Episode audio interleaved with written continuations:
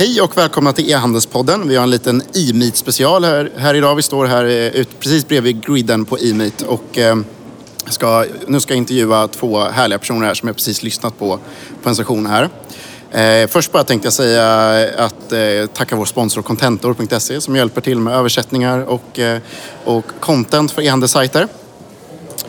Eh, men nu direkt till er. Eh, ska vi börja med dig Fredrik? Kan du berätta om dig själv och vad du jobbar med och vad Fyndik är? Mm, tack så du ha. Eh, Fredrik Norberg heter jag, en av fem medgrundare till eh, Fyndik och idag så arbetar jag som marknadschef på Fyndik. Vilket innebär att jag är ansvarig för erbjudandet mot konsumenterna och mot handlarna som ska lägga upp produkterna på Fyndik. Fyndik är en marknadsplats, en svensk marknadsplats, eh, likt Amazon, men mer fokuserad på fyndprodukter. Så vad vi brukar säga mot konsumenterna är att vi är ett fyndvaruhus på nätet eller ett Ullared, fast på nätet. Mot handlarna sedan så säger vi att vi är en merförsäljningskanal. Där vi lite från början har gått ifrån att vi är en utförsäljningskanal för främst eh, hyllvärmare och restlager och sådär. Till att vi nu ska vara mer en, en permanent merförsäljningskanal. Kanon! Och Rashid, ska du berätta vad du gör och Ja, tack, vem hej. du är? Uh, Rashid Wadac heter jag. Uh, driver themobilestore.se och säljer mobiltillbehör och allt som rör mobiler och runt omkring på nätet. Kul! Och eh, jag har nu lyssnat på den här sessionen och det verkar ju gå jättebra för dig också. Ja, det går jättebra. Vi uh, ökar ständigt så ja, det, det här branschen är ju bättre än vad jag hade, jag hade räknat med. När startade du? Uh, startade uh, 2005 och då började jag smått med lite att sälja på Tradera och uh, liten alltså, egen webbshop men det mesta var Tradera. Men uh, sen två år tillbaka har jag tagit, tagit ledigt från mitt uh, jobb som byggnadsingenjör och jobbar heltid med i handel. Kul! Och eh, du pratar ju mycket om, om Fyndik som... Eh, nu, nu för tiden, du, du pausar lite med Tradera, började med Fyndik, var lite skeptisk. Eh, kan du berätta om, eh, om merförsäljningskanal, som, hur de har hjälpt dig öka försäljningen? Ja, eh, i början var jag ju ganska skeptisk mot, så för den här idén så jag tyckte inte det här kommer att bli stort. Men eh, när jag började höra från olika folk, eh, bland annat det här Parvelito, eh, så tyckte jag att det är värt att prova, så vi måste prova. Eh, så sen 2012 har vi eh, börjat sälja på Fyndik och det har gått bättre och bättre.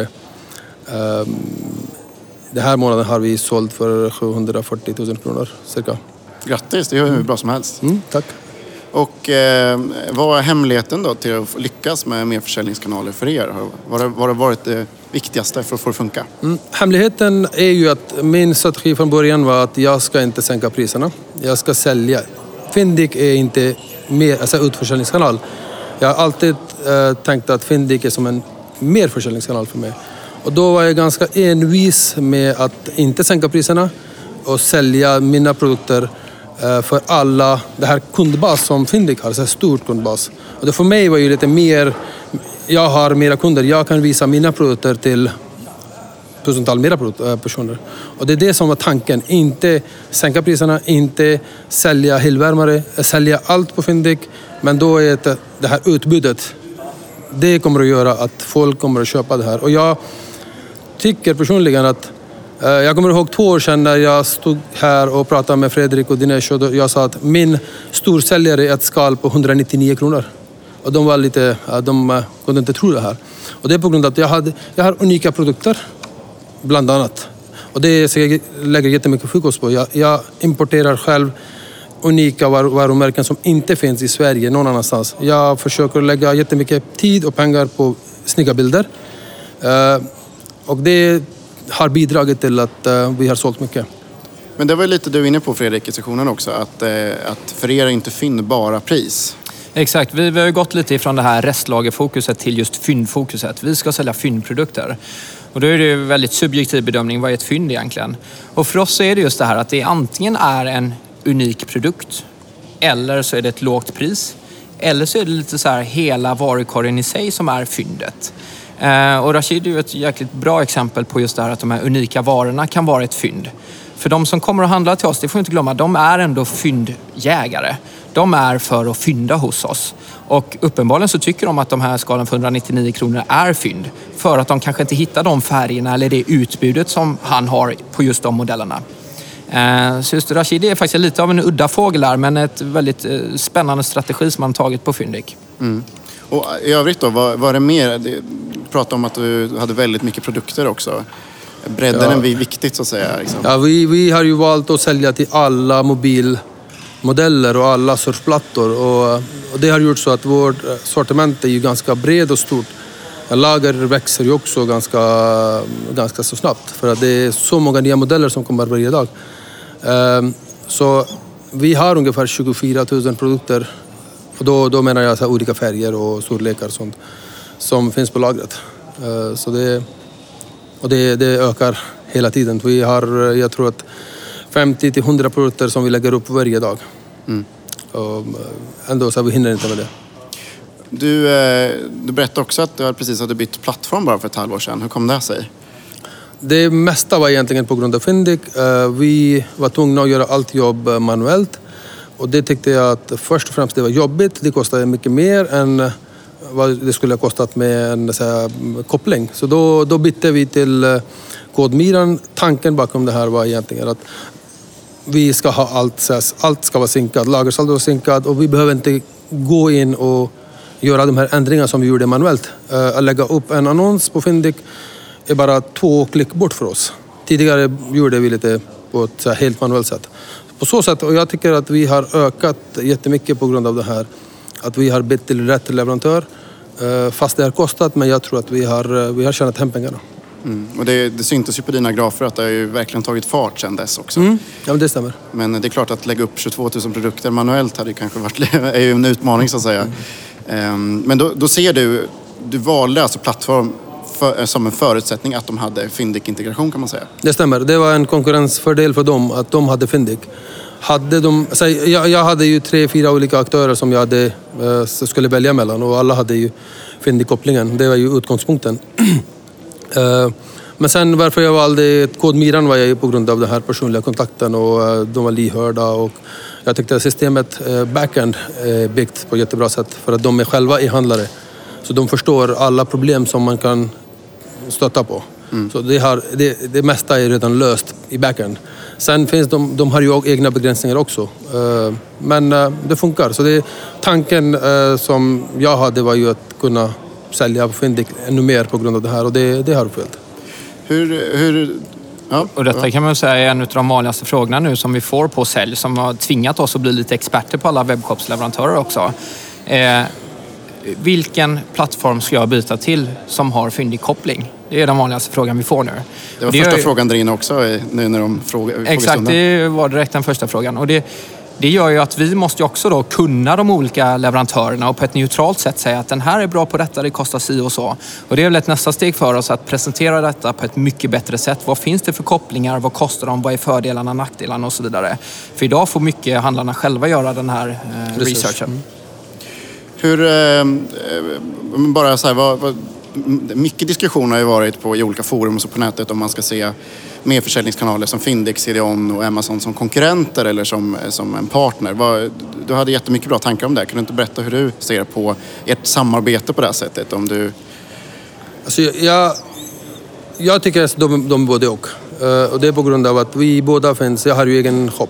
Hade jag inte det så hade de varit bara vänner. Men eh, eftersom vi kommer att konkurrera på samma ord på Google med eh, Search Engine, eh, SEM och SEO så, så blir det lite fiende. Så då, eh, vissa tror att man ska inte göra det, man ska inte sälja på Fyndig eller man ska inte sälja på CDON för att det är ju egentligen hugga sina egna ben. Men jag har motbevisat det.